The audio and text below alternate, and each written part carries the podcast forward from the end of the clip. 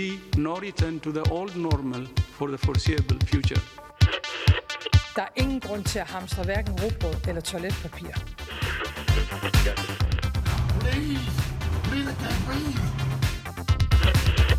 No politician in history has been treated worse.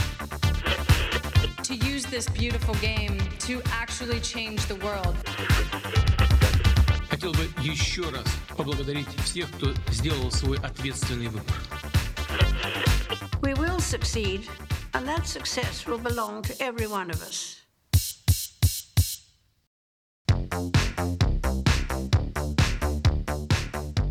Góðan dag, kæru hlustendur, þeir að hlusta á heimskviður. Ég heiti Guðmundur Björn Þorbjörnsson. Og ég heiti Birta Björnsdóttir. Í heimskviðu með fjallaðum það sem gerist ekki á Íslandi.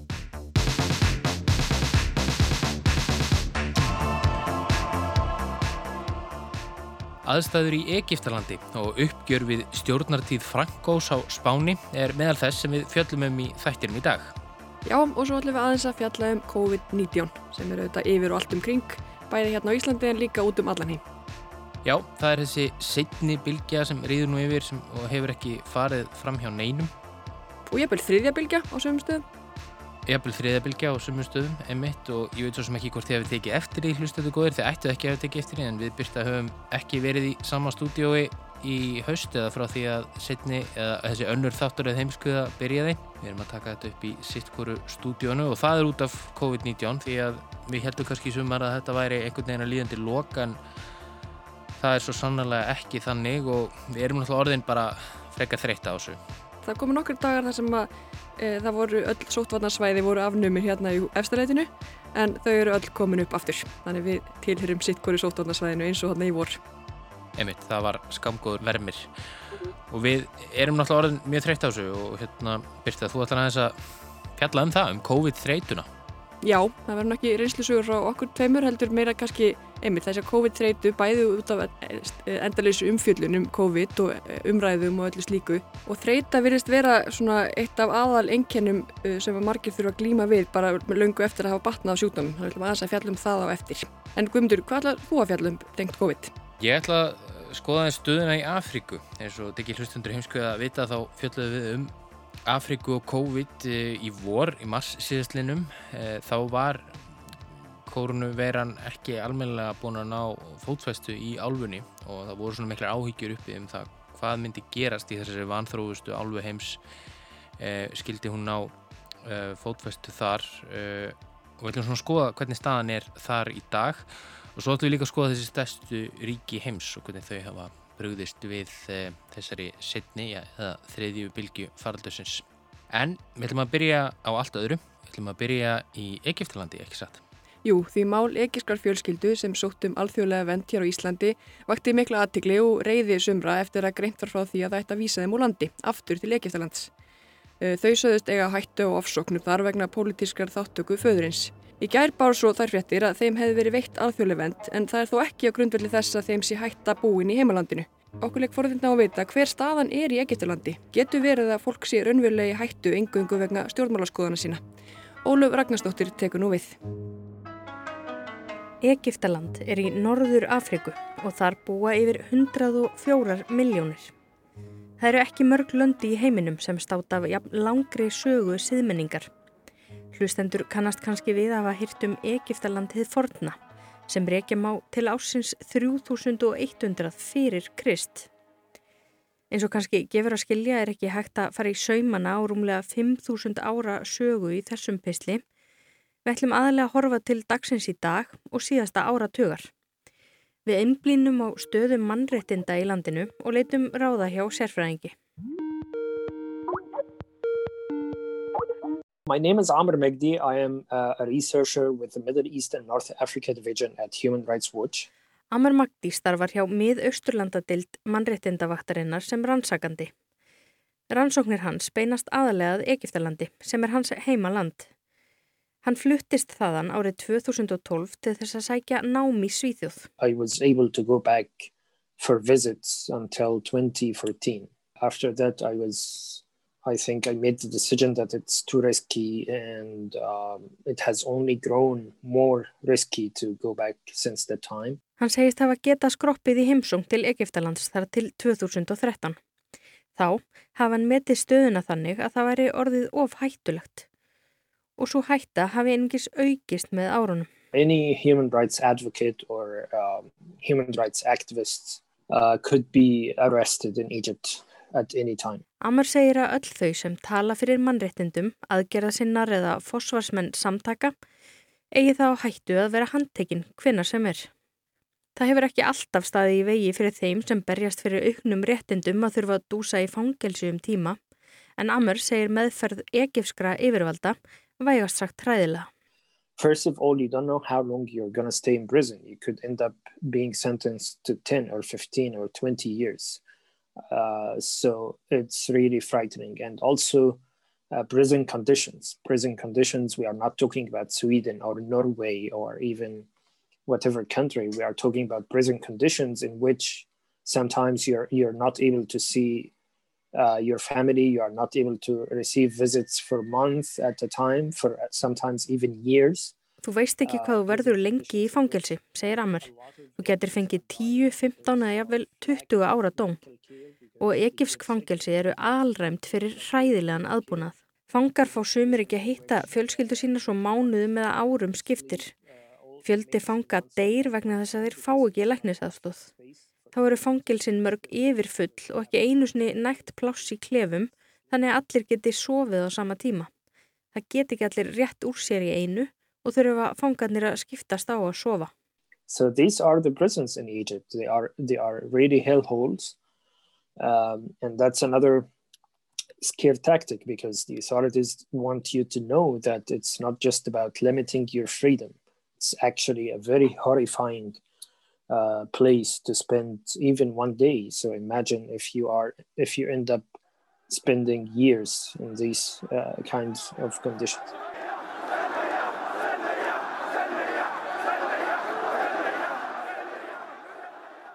Nú erum við stött í Kæró árið 2011, nánar tiltekið í januar, þegar miljónir Egipta flyktust út á götur til að mótmæla. Þá var hinn þölsætni Hosni Mubarak við völd. Í höfuborginni Kæró var Tahrir Torg eða Frelsistorgið miðpunkturinn. Mótmælendur komu sér fyrir á torginu og let ekki undan fyrir en Mubarak fór frá völdum. Amar bjó í Kæró á þeim tíma og segir að það hafi ríkt mikil bjart sinni. Fólk trúði því að nú erðu raunverulegar breytingar. We had very, very, very high hopes that uh, we could change the situation in the country. Uh, við trúðum að nú fengjum við almennilega ríkistjórn, ríkistjórn sem almenningur gæti dreyið til ábyrðar, frjálsa, fjölmiðla og fleira í þeim dúr. And we had some of that for, for some time in 2011 and 2012. Það fengum við að einhverju leiti 2011 og 2012.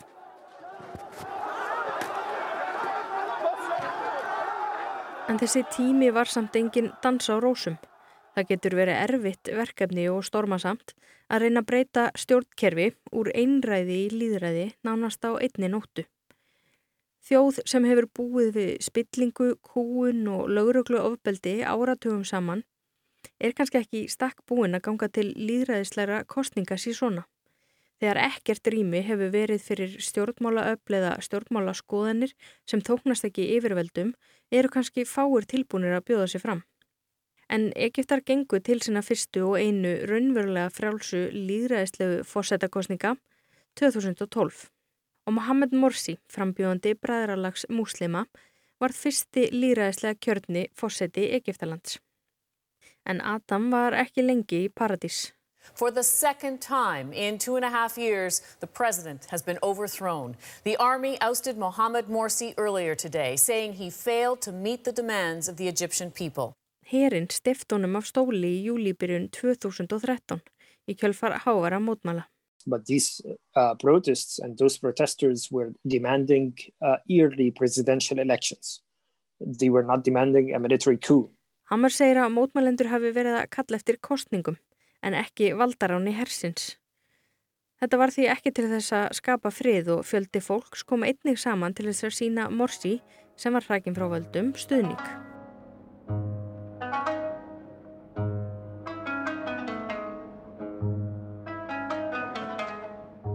Þá tók herin til sinna ráða. Shortly after that, uh, uh, the security, Egyptian security government forces uh, um, violently dispersed uh, pro-Morsi sit-ins uh, in Cairo. The, the main one was in Rabaa Square.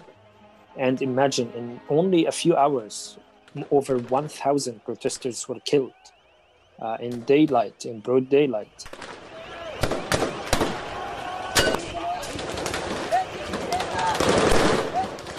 Sveitir hersins réðust að stunningsmönnum Morsis sem mótmæltu við Rabatorg. Fimm götur likja beint að torginu og sveitirnar komi frá öllum þeirra um hábjartan dag og myrtu um þúsund manns á nokkrum klukkustundum. Atbyrður sem stundum er kallaður Araba fjöldamorðið. Og Amir segir að morð á friðsömmum mótmælendum hafi ekki verið einu brotin. Herin hafi kveikt í moskunni sem stóð við torgið og spítala sem hafi verið komið upp til þess að sinna særðum mótmælendum. Hundruð voru handtekinn og mörgum meinað að leita sér sem að halda. And after seven years after that massacre, which was uh, likely crimes against humanity and was one of the largest killings, mass killings of protesters in Egypt's history, uh, perhaps in the world's history actually, uh, it, uh, seven years after that, there is no single security member of security or the government that has been questioned or uh, persecuted. Amar segir að atbyrðinir tellist að öllum líkindum sem glæpir gegn mannkynni. Nú séu liðin sjö ár og enn hafi enginn verið yfirherður eða ákjærður. Jafnvel þó að yfirvöld hafi á einhvern hátt viðurkent að hafa ekki tryggt öruga flótaleið fyrir friðsama almenna borgara. En hver ætli hafi verið hæstræðandi í hernum á þessum tíma? Kanski yfir einhvert ykkar giska rétt, það er einmitt Abdel Fattah al-Sisi núverandi fórseti Egiptalands.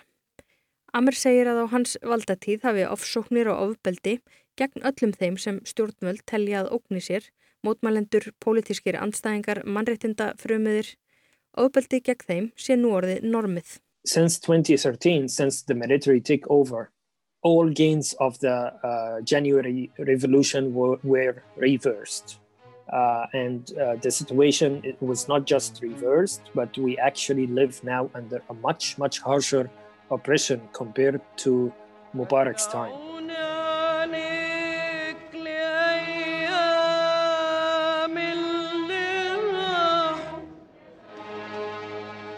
Hann segir að síðan 2013 hafi allt það sem byltingin 2011 áorkaði glatast og ekki nóg með það heldur sé kúunin umtalsvært meiri nú en í valdatíð Mubaraks. Compared to what Sisi's government is doing now in Egypt and has been doing in the last uh, five, six years, I think uh, Mubarak would seem like uh, a human rights advocate.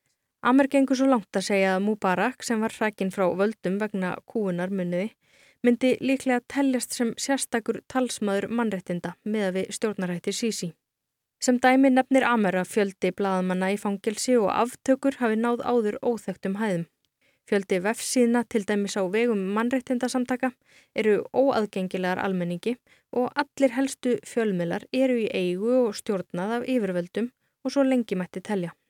Þá getur hver sem er á tættu á að lenda í fangilsi fyrir að tjá skoðanir sínar á samfélagsmiðlum. Uh, for example, during the pandemic, the COVID-19 pandemic, we have dozens of people including nine doctors, nine uh, doctors and pharmacists who have been arrested and persecuted because they criticized the lack of uh, Nýlegt dæmi þess er að týjir hafa verið handteknir og saksóknir fyrir að gaggrýna viðbröð yfirvalda við COVID-19 faraldrinum.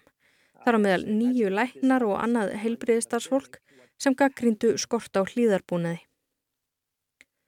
Grimmileg herrferð stjórnvalda gegn andstæðingum sínum verðist eiga sér lítil takmörk.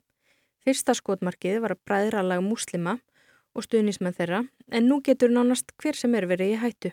Uh, President Sisi uh, and his government try uh, to uh, you know, portray the image that they are only going after terrorists, but we know that they are going after peaceful activists. We know that there are tens of thousands of innocent people in jail.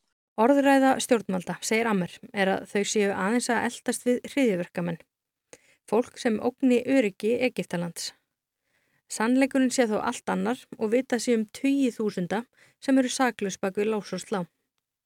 Í síðustu viku vogaði hópur af fólki sér út að mótmæla sem er bannað með lögum. Það þarf sérstakt leifi stjórnvalda til þess að mótmæla. Þar voru hundruð handtekinn. Á sama tíma í fyrra kom einni til mótmæla víða um land.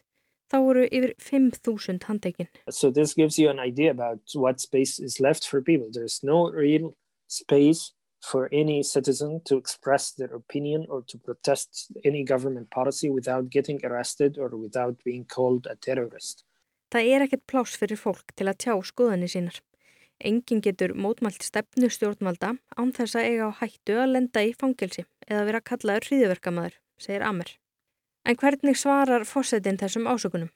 Hann er ekki vanur því að fá gaggrína spurningar en flestum að óvörum mætti hann í viðtal hjá frettaskýringaþættinum 60 mínútum í janúar í fyrra. Mr. President, the organization Human Rights Watch says that there are 60,000 political prisoners that you're holding today as we sit here. I don't know where they got that figure. I said there are no political prisoners in Egypt.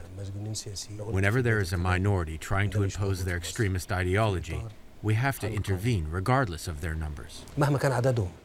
Fórsetin komst vægast sagt ekki vel frá því viðtali.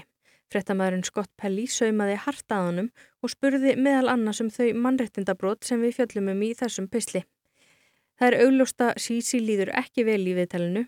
Hann reynir að komast undan því að svara og snýr út úr. Eftir viðtalið reyndu Egipsk yfirvöld svo að fá sjóanstöðuna CBS til þess að hætta við að sína það. Pelli og Rachel Morehouse, producent, lístu þessu í sérstöku innslægi sem var byrt eftir þáttinn.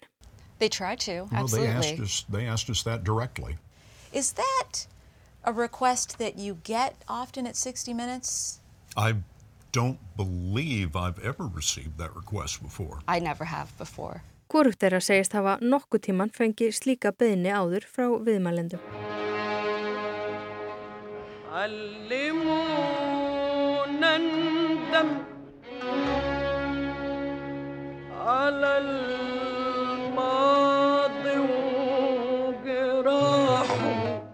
Í Egiptalandi er sannarlega dómskerfi til staðar. Hvernig má það þá vera að þetta sé virkilega staðan? Amar lýsir því fyrir okkur hvernig kerfið virkar. Usually when you go through the case files you, found, you find very little or no material evidence uh, the evidence in the court is basically the allegations, unsubstantiated allegations by the Secret Service, uh, which is the uh, National Security Agency. So basically, the officers write reports and say in those reports, like based on my secret sources, this guy is involved in this and that and this and that. But they don't actually uh, present any material evidence. Vanalega eru engin haldbær sönnunugögn gegn þeim sem hljóta dóma. Ásakanir leinithjónustunar dugi til þess að fá fólk sakfælt. Hammer segir að yðurlega sé það leinithjónustan sem sér maður handsama fólkið. Oft hverfi fólk vikum eða mánuðum saman. And during their disappearance they are subject to horrific torture, usually including uh, electric shocks, uh, including deprivation of food and water and sleep, including waterboarding. Uh, Á meðan geti þau þurft að þóla pyntingar af vestu gerð. Rafstuð, vastrekkingar, þeim er neitað um vatn, mat og söfn, hótað nöðgunum eða jáfnvel nöðgað. Amer segir að þeim sé svo haldið í leinilegum varðhaldstöðum þar til ummerki um pyntingar hverfa eða minga. Þá loks byrjar formlegt ákjæruferðli og enginn spyr hvar fólkið var niður komið. So that's a huge problem uh, um, and a huge gross human rights violation that's almost happening on daily basis in Egypt. Þetta er risastort vandamál og afar gróf mannréttitabrott sem eru framinn nánast daglega í Egiptalandi, segir Amr. Og þetta fáið að viðgangast ár eftir ár vegna þess að það er ekkert eftirlitt. Engar óháðar stopnannir eða samtök fái leifi til þess að starfa í landinu og stjórnmöld eigi að hafa eftirlit með sjálfum sér. Maybe just to uh, speak about the case of Ibrahim and his family yeah. and uh, we haven't we haven't really studied the case we, I, don't, I don't have the case file. Það var ekki ætluninn að spyrja Amr út í mál fjölskyldunar sem býður brottvísunar frá Íslandi til Egiptalands eftir að hafa verið neitað um alþjóðlega vend hér á landi en hann byður um að fá að leggja orði í belg þó hann hafi ekki skoðað öll skjölmálsins Hann segir að fjölskyldufæðirinn sé sannarlega stuðningsmaður bræðralags múslima síðan í raunverulegri hættu við komuna til Egiptalands. he would probably be apprehended from the airport, arrested, and disappeared uh, and tortured to force any confessions from him, and then sent to uh, lengthy uh, detention without the possibility of release on bail. Hann telur líkur á að maðurinn verði handtekinn strax á flugullinum, pintaður til hjáttninga á einhverjum glæpum og látin dúsa í varðhaldi til langs tíma. Það sé einfallega ránt að halda því fram að fjölskyldan sé ekki í hættu í heimalandinu. It's, it's simply not valid to say the family is not in danger if they go back to Egypt.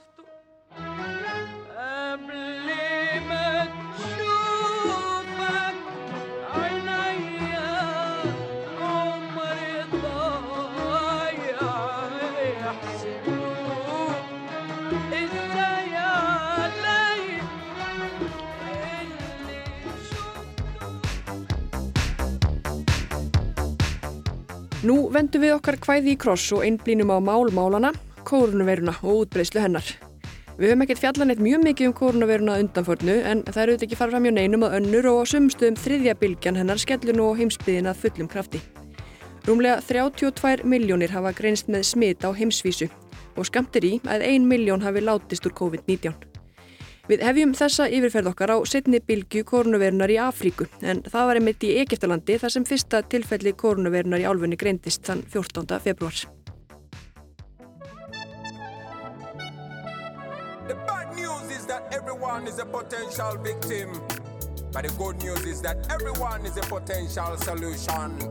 Sensitize the masses to sanitize, keep a social distance and quarantine.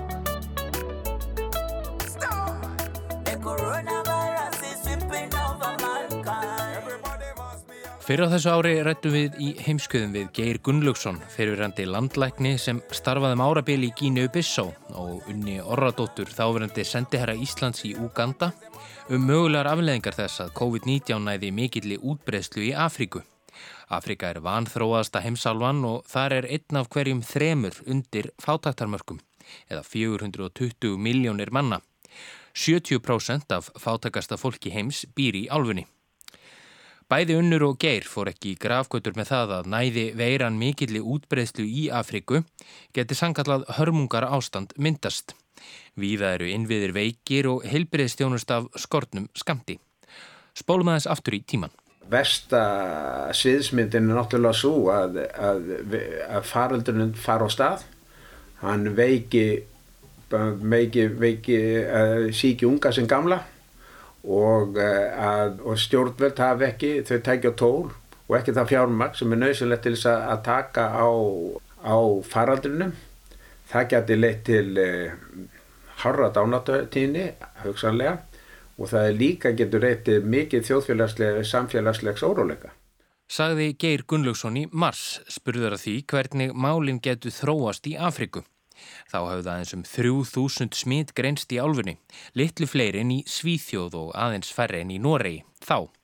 Nú hefur rúmlega 1,1 miljón manna í álfunni greinst með kórunveruna í öllum löndum hennar og 25.000 látist af völdum hennar. Í vikunni kom út skýrsla á vegum svæðiskrifstofu alþjóða helbreyðsstofnunarinnar í Afriku þar sem tölfræðum útbreyðslu veirunar í álfunni er að finna. Þar kemur fram að um 87% allra greindra smita í álfunni eru aðeins í tíu löndum. En í Afríku er yfir 50 lönd. Þetta eru Suður Afríka, Eþjópia, Nígeria, Alsýr, Ghana, Kenya, Kamerún, Fílabeins, Ströndin, Madagaskar og Senegal. Og af þessum tíu er helmingur smita í Suður Afríku einni saman. Rúmlega 663.000 smitana eru í landinu eða 58% allara smita í álfunni. Önnurlönd sem hafa mörg smitt eru Eþjópía með rúmlega 70.000 tilfelli, Nígeria með hæflega 60.000 og Alsýr með rúmlega 50.000. En eins og sjá má komastu ekki með tærnar þar sem Suður Afrika hefur hælana. Suður Afrika er í áttunda sæti á heimsvísu með flest greint COVID-smitt en dánartínin er hins vegar ekkit sérstaklega há. Rúmlega 16.000 hafa látist síðan faraldurinn braust út í landinu. Hvað veldur? Við fyrstu sín verðist sem stjórnaldi Suður Afrikus í búin að missa tökin á útbreyslu veirunar. En sérfræðingar er á öðrumáli. Suður Afrika brást snemma við kórunverunni og setti á útgöngubann strax í februar, fyrst allra þjóða að undanskildu Kína. Þótt Suður Afrika hafi ekki skimað fyrir verunni af sama mætti og ríki á Vesturlöndum voru skimanir hlutfastlega fleiri þar en í öðrum Afrikuríkjum. Þá er talið að útgöngubannið og lágur meðaraldur þjóðarinnar hafi haft sitt að segja. Í skýslu alþjóða helbriðstofnunarinnar kemur fram að ríkistjórnir flestra ríkja í álfunni brúðust skjótt og vel við útbreyslu veirunar í álfunni. Þrátt fyrir þessa setni bylgu sem nú skellir á heimsbyðinni voru 17% færri döðsföll í síðustu viku með við vikuna þar á undan. Þá hefur fjöldi nýgreindra smita síðustu tvo mánuði farið fækkandi í Afriku. 20. september letust tíu vegna sjúkdómsins í álfunni en færri hafa ekki dáið að völdum COVID-19 á einum degi í álfunni síðan 23. mæ þegar 31 lest. Í síðustu viku greindu 29 lönd álfunar frá því að greindum smitum hefði fækkað, dreyist saman um 17% en 16 lönd greindu frá fjölgun. Aðeins Eritrea og Tansania skiluð ekki neinum ópemberum tölum um ný smit í síðustu viku. Það virðist í vera sem svart sínustu spárum útbreystu kórnuverunar í þessari fátækustu og vanþróðustu álfu heims hafi ekki ræst. Að minnstakosti ekki enn.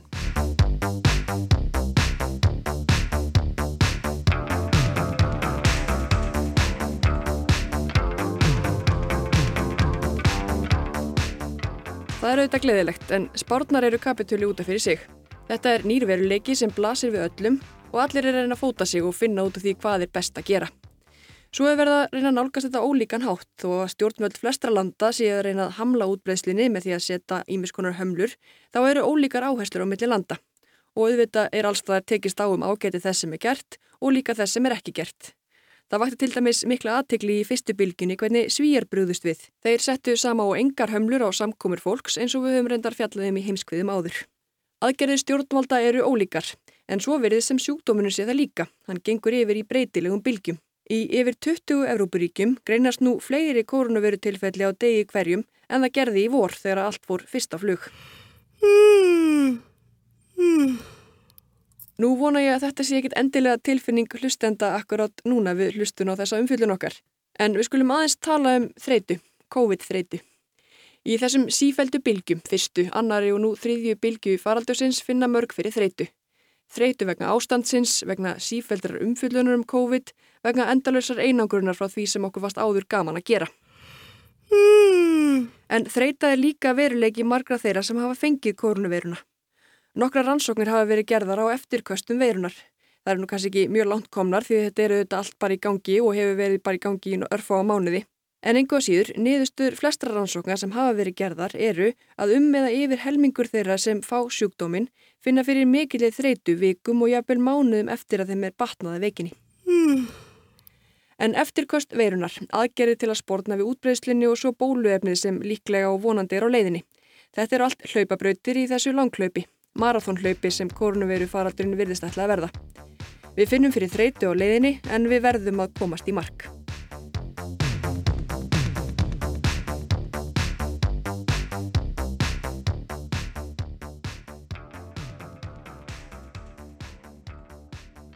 En hvað allri COVID-þreytu viðkemur þá er það engaðu síður staðreind, nöturleg staðreind að við erum langt frá því að sjá til sólar í baráttunni við COVID-19.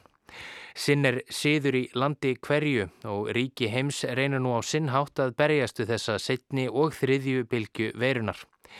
En hvernig tækla stærstu og fjölmennustu ríki heims þessa áskorun? Við þekkjum söguna í bandaríkunum hvar yfir 7 miljónir tilfella hafa greinst og yfir 200.000 látist, fleiri en nokkur staðar annar staðar.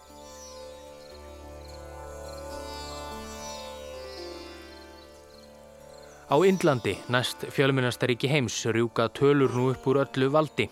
35.000 ný tilfelli greindust á miðvíkudag og 262 létust. Alls hafa yfir 90.000 manns látist úr COVID-19 á Indlandi. Og í vikunni lest Suresh Angadi, einn af samgöngur áþurum landsins af völdum verunar. Efnahagur Indlands dróst saman um fjórðung frá april til júni en þá var allserjar útgöngubann í landinu. Það hefur haft sín áhrif og Narendra Modi, fórseti landsins, sagði ríkistjórum að nú væri komin tími til að endurskoða sóttvarnar aðgerðir í landinu. Landið sé ekki aðeins að berjast við veiruna, heldur fari efnahagsleg baráta nú líka fram. Því þrátt fyrir að tölurnar á Indlandi hafi rókið upp síðustu vikur eru þau fleiri sem hefur batnað af veirunni síðustu daga en þau sem hafa fengið veiruna.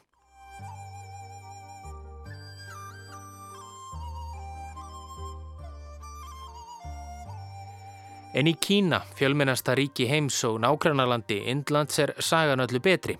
En svo allir vita á veiran upptök sín í Wuhan í Kína undir lok síðasta ás og januar og februar var hún hverki skæðar en ymmit þar, áður en hún fór að dreifa sér á fullum mætti um heiminn.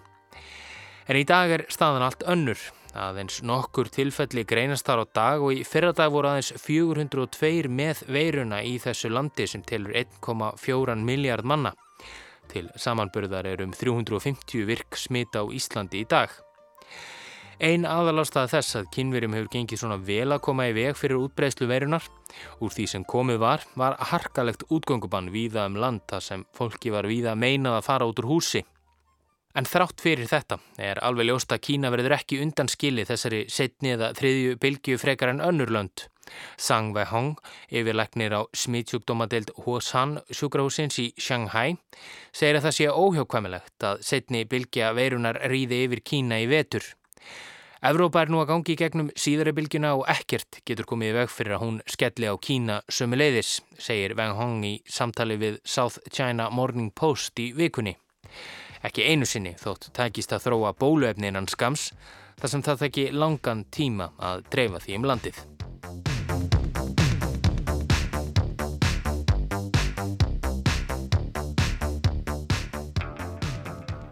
Já, við erum svo sannarlega ekki enn komin út úr þessu og þetta verður án efa ekki síðasta umfyllin okkar um koronaviru faraldurinn í þessum ágæta þætti. En við ætlum núna að beina sjónum okkar til spánar, er það ekki, Guðmundur Björn? Jú, og í fyrra voru 80 ár frá lokum borgarastriðsins á Spáni. Það stóði þrjú ár og var blóðugt og sorglegt. Við tók 36 ára valdatíð Frankós einræðisherra sem var ekki síður blóðug. Þjóðinni hefur tekist vel að feta einstíð frá einræði til líðræðis en svo veriðist sem mikið uppgjör eigi sér nú stað við valdatíð Frankós. Jóhann Hlíðar Harðarsson, frettarreitar okkar á Spáni, tekur nú við.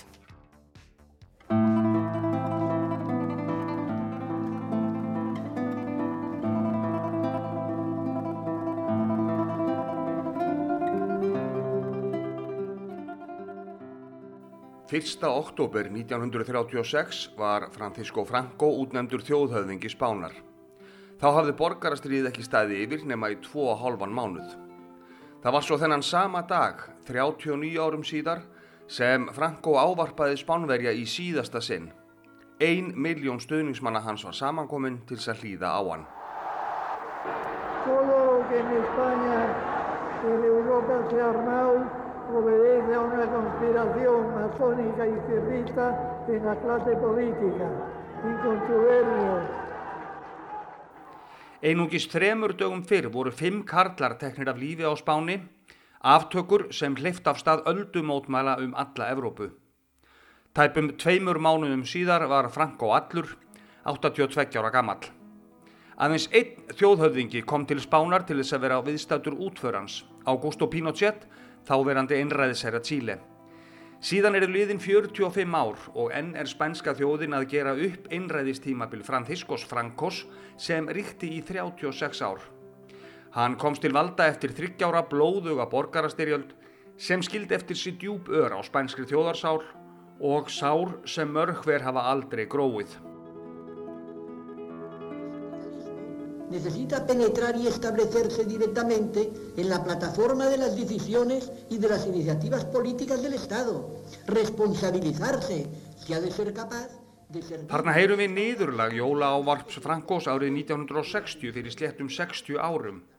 Þá hafði hann ríkt í rúm 20 ár og hann boðar þarna í niðurlæginu á þessu 40 mínútna ávarpi sameinaða þjóð, trúarlega sameinaða, félagslega sameinaða og pólitíst sameinaða. Samt var þjóðin ekkert af þessu og einræðistjórn Frankós dró ekkert af sér á þessum árum, 20 árum eftir lok borgarastyrjaldarinnar við að hund elda anstæðinga falangista, fangelsa þá og lífláta.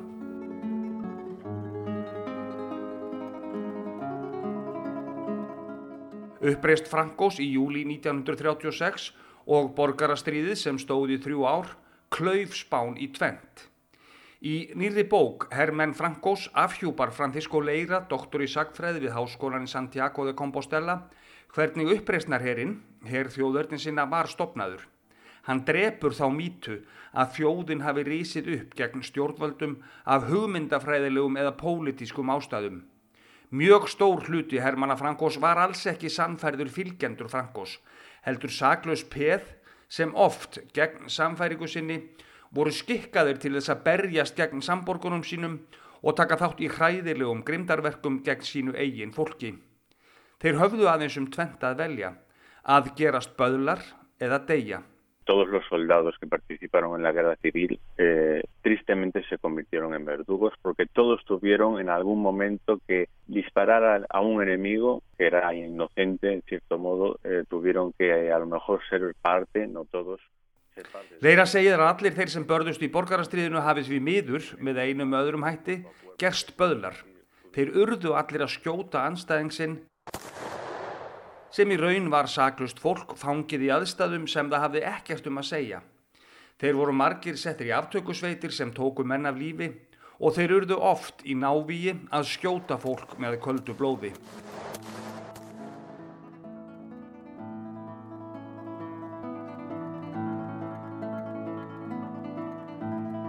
Menn tala oft um að það þurfa að gera upp styrjaldir, tala um voðaverkin til þess að geta haldið áfram.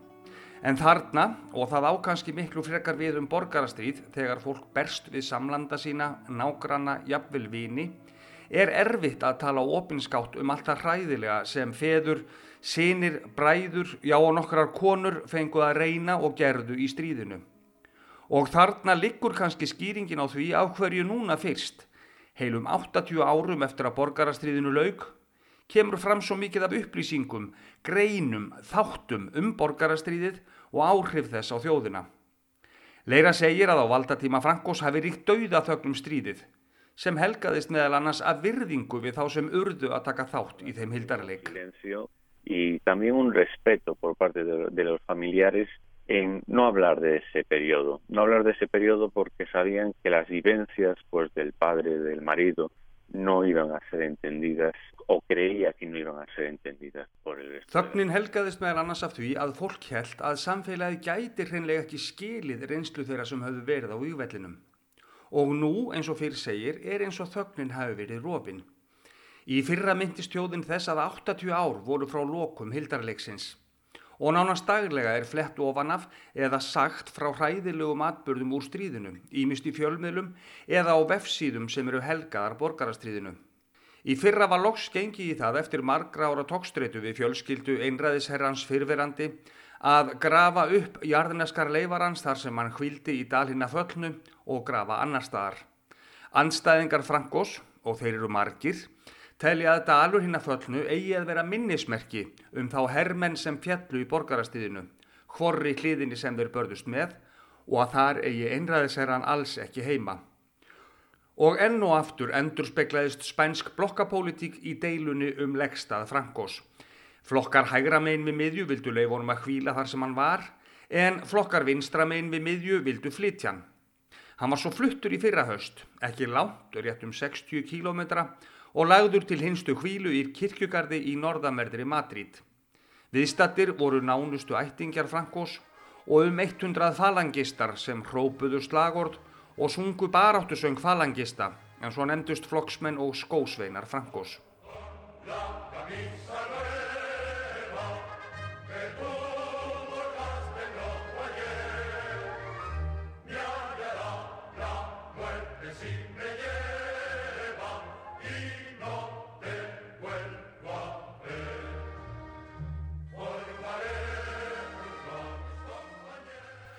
Og stjórnvöld láta ekki sitt eftir liggja í uppgjörunum við Frankótímabilið. Í síðustu viku ákvaði ríkistjórnin að endurvekja rúmlega tí ára gömul lög sem upp á íslensku mætti kalla lög um minningar sögunar og er beint sérstaklega að einræðistíma Frankós. Lögin eru í 66 liðum, þar er meðal annars hveðið sérstaklega á um að bannað verði að hylla Frankó og stefnu hans og falangista ofinberlega. Við því likur alltaf 150.000 efra sekt eða sem nemur tæplega 25 miljónum íslenskar króna. Þá fela lögin í sér að kennsluefni um stjórnartíð Frankos verður endur skoðað og uppfært og stopnað verður sérstakt embætti saksóknara sem rannsakar mannrettindabrót í stjórnartíðans. Og þar er sannarlega nægu að taka.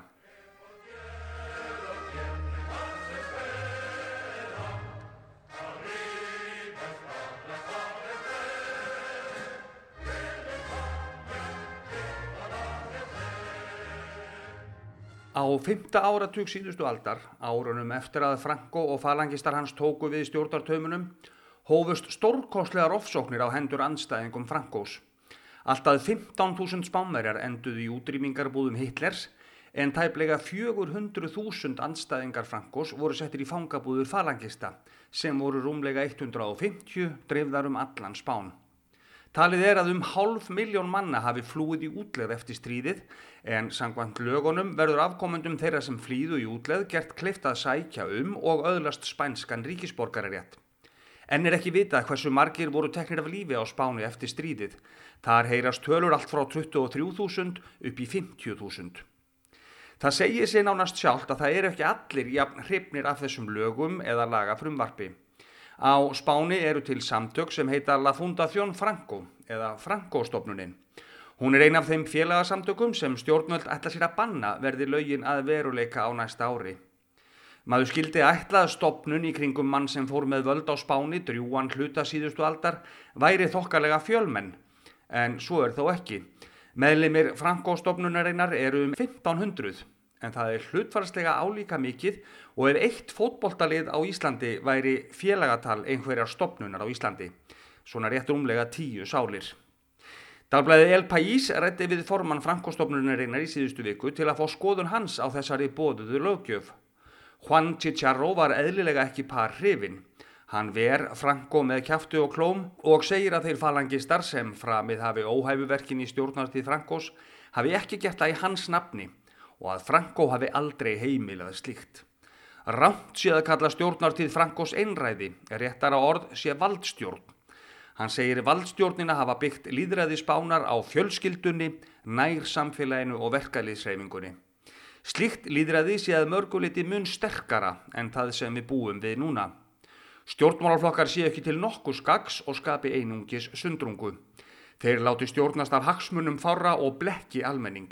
Og Cicero klikkir út með því að benda á að þegar Franco ákvaða að láta sverfa til stáls árið 1936 hafi þjóðin verið sárafátæk og ólæs. Þegar hann lést hafi ríkt velmegun á spáni. Nú hins vegar standi hungrað fólk í laungum röðum til að þykja ölmusu og 50.000 manns hafi látist úr farsótt á síðustu mánuðum. Meir en tvöfalt fleiri en fórust í langvinnustu orustu borgarastriðsins orustunni við Ebrófljótið á norðaustu Spáni sem stóð frá júli til november árið 1938. Þar fjallu á milli 16 og 17.000 manns.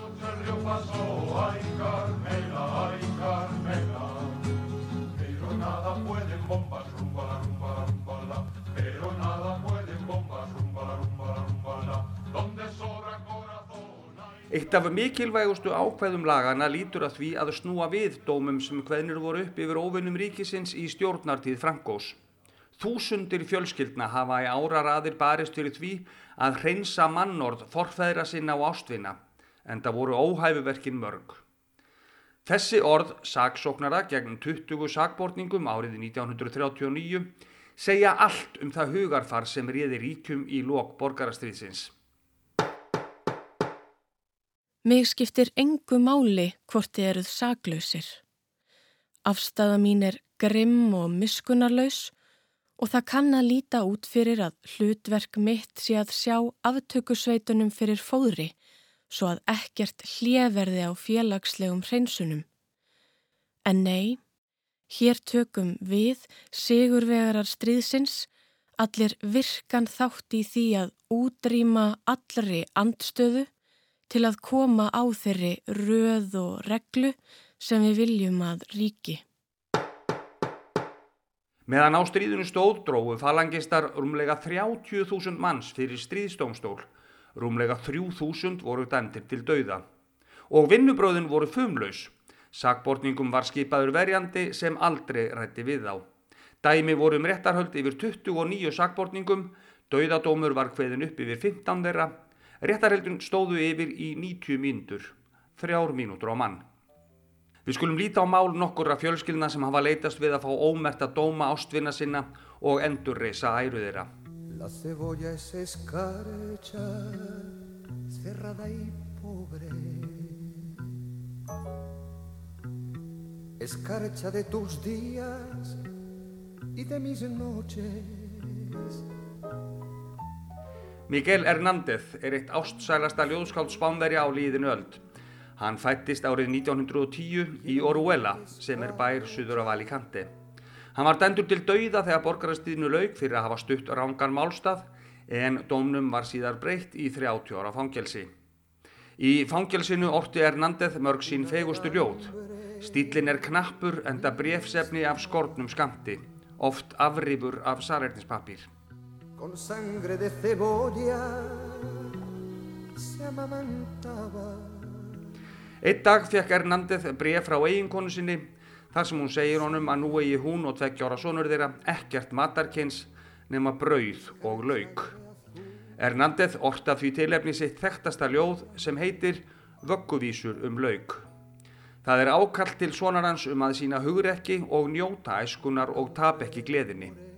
Skömmu síðar árið 1942 lést Miguel Hernández í fangelsi í Alicante úr Berglum, 31 ás.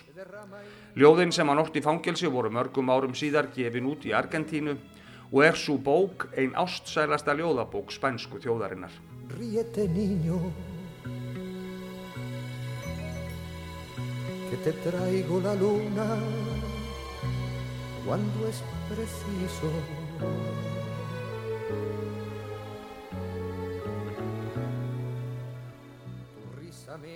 Fjölskylda Ernandez hefur án árangus reynd að fá dómnum yfir honum nekt og nú er talið víst að svo verði. Ernesto Semperi var dæmdur til 20 ára fangelsifistar árið 1940 fyrir margvísleg smábrót sem talinn voru vinna gegn málstað þjóðurni sinna. Hann var þá 18 ára. Honum var meðal annars gefið að sög að hafa teiknað skopmynd þegar hann var 15 ára og að hafa brotist inn í kirkju. Þann dag var hann reyndar alls ekki í bænum. Fadir hans var tekinn af lífi um svipa leiti. Síðar kom í ljós að undirskrift hjáttningarinnar var alls ekki undirskrift Ernestos en það segist hann ekki kannastu eitt einast af þeim brotum sem hann var dæmdur fyrir. Sónur hans fekk síðar afrit af réttarskjörunum og færði föður sínum. Hann gætti þess að stryka yfir nöfn þeirra sem dæmdan en honum sást yfir eitt nafn. Ernesto sáðað, ringdi heim til mannsins og sagði við hann Ég ringi bara til að segja þér að ég fyrirgef þér.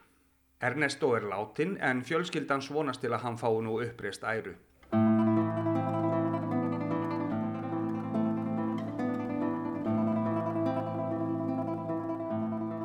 Salvador Puig Antich var síðasti maðurinn sem var tekin af lífi með hennu ógjöðfeldatæki Garrotta eða Járnkraganum sem er aftökutæki frá miðöldum. Hinn líflátni er klættur í svartan kuppl með svarta hettu yfir höfði settur á stól upp við staur og járnkrægi settur um hálsin á honum. Járnkrægin nær svo aftur fyrir staurin og er tengdur við sveif sem böðullin snýr, þannig herðir hann á hálsi fangans, brítur á endanum barkan og kyrkir hann. Á sama tíma borast Ottkvöss skrúfa inn á milli tveggja efstu ryggjarliðana og sker mænuna í sundur. Andstigðin við þessa aftöku aðferð, eins ógeðfelt og það er að gefa slíkum aðferðum engun, er að böðullin getur í raun stjórnað lengt aftökunar og í tilfelli Salvadors Puig þá tók það hann 20 mínútur að deyja. Hann var 25 ára. Alls voru 112 teknir af lífi með þessari aðferð í stjórnartíð Frankós. Síðasta áratugin sem Franko ríkti var skipaður domstól sem ætlaði var að tryggja almannafrið. Það sem hann gerði í raun var að ofsækja alla þá sem ríki talda getu ógnað ríkjandi stjórnvöldum. Á 12 ára tímabili ákjærði domstólinn rúmlega 8.000 karla og um 1.000 konur. Þau voru samanlagt dæm til 11.958 ára fangilsinsvistar. Flestir þessara dóma verða ógildir taki lögin gildi. Þá má ekki gleyma því að minni hlutahópar sættu ofsóknum allt fram á síðasta dag. Samkynneigðir voru fangelsaðir og rómafólk sem aldrei var kallað annað en sígaunar var offsótt og jaðarsett ofinberlega. Fullirt var í ræðu og riti að þau væru sóttberjar taugaveiki og grá lúsug. Og bæjar og borgarstjórnum bæja var gert að setja upp aðstöðu þar sem hægt var að aflúsa sígaunana. En á þessum máli eins og flestum málum eru svo að minnstakosti tvær hliðar. Það eru nefnilega ekki allir anstæðingar Frankos sem vilja fá upprist æru eða dómum yfir þeim verði snúi við. Einn þeirra sem hefur andstigð á þessum nýju lögum er Lola Canales sem var fyrsta konan sem var leitt fyrir stíðstómstól eftir að borgarastíðinu laug. Hún var fundin seg árið 1968 um uppreist gegn hernum og dæm til einsás fangelsisvistar. Eftir það fór hún í útlegð til Parísar. Hún segir í viðtali við spænska dagblæði El Mundo að hún hafi verið pólitískur fangi og að hún sé stolt af því. Með því að ómerkja dómin yfir henni sé verið að gera naður fornarlambi og það sé hún alls ekki. Hún hafi verið seg um að berjast gegn valdstjórn fasista, það sé staðrind. Hún telur sjálf að of mikið sé gert af því að horfa um öksl.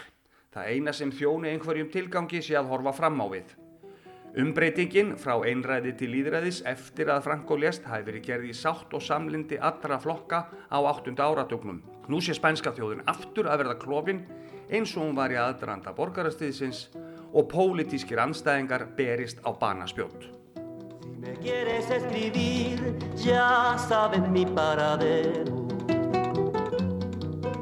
Si me quieres escribir, ya sabes mi paradero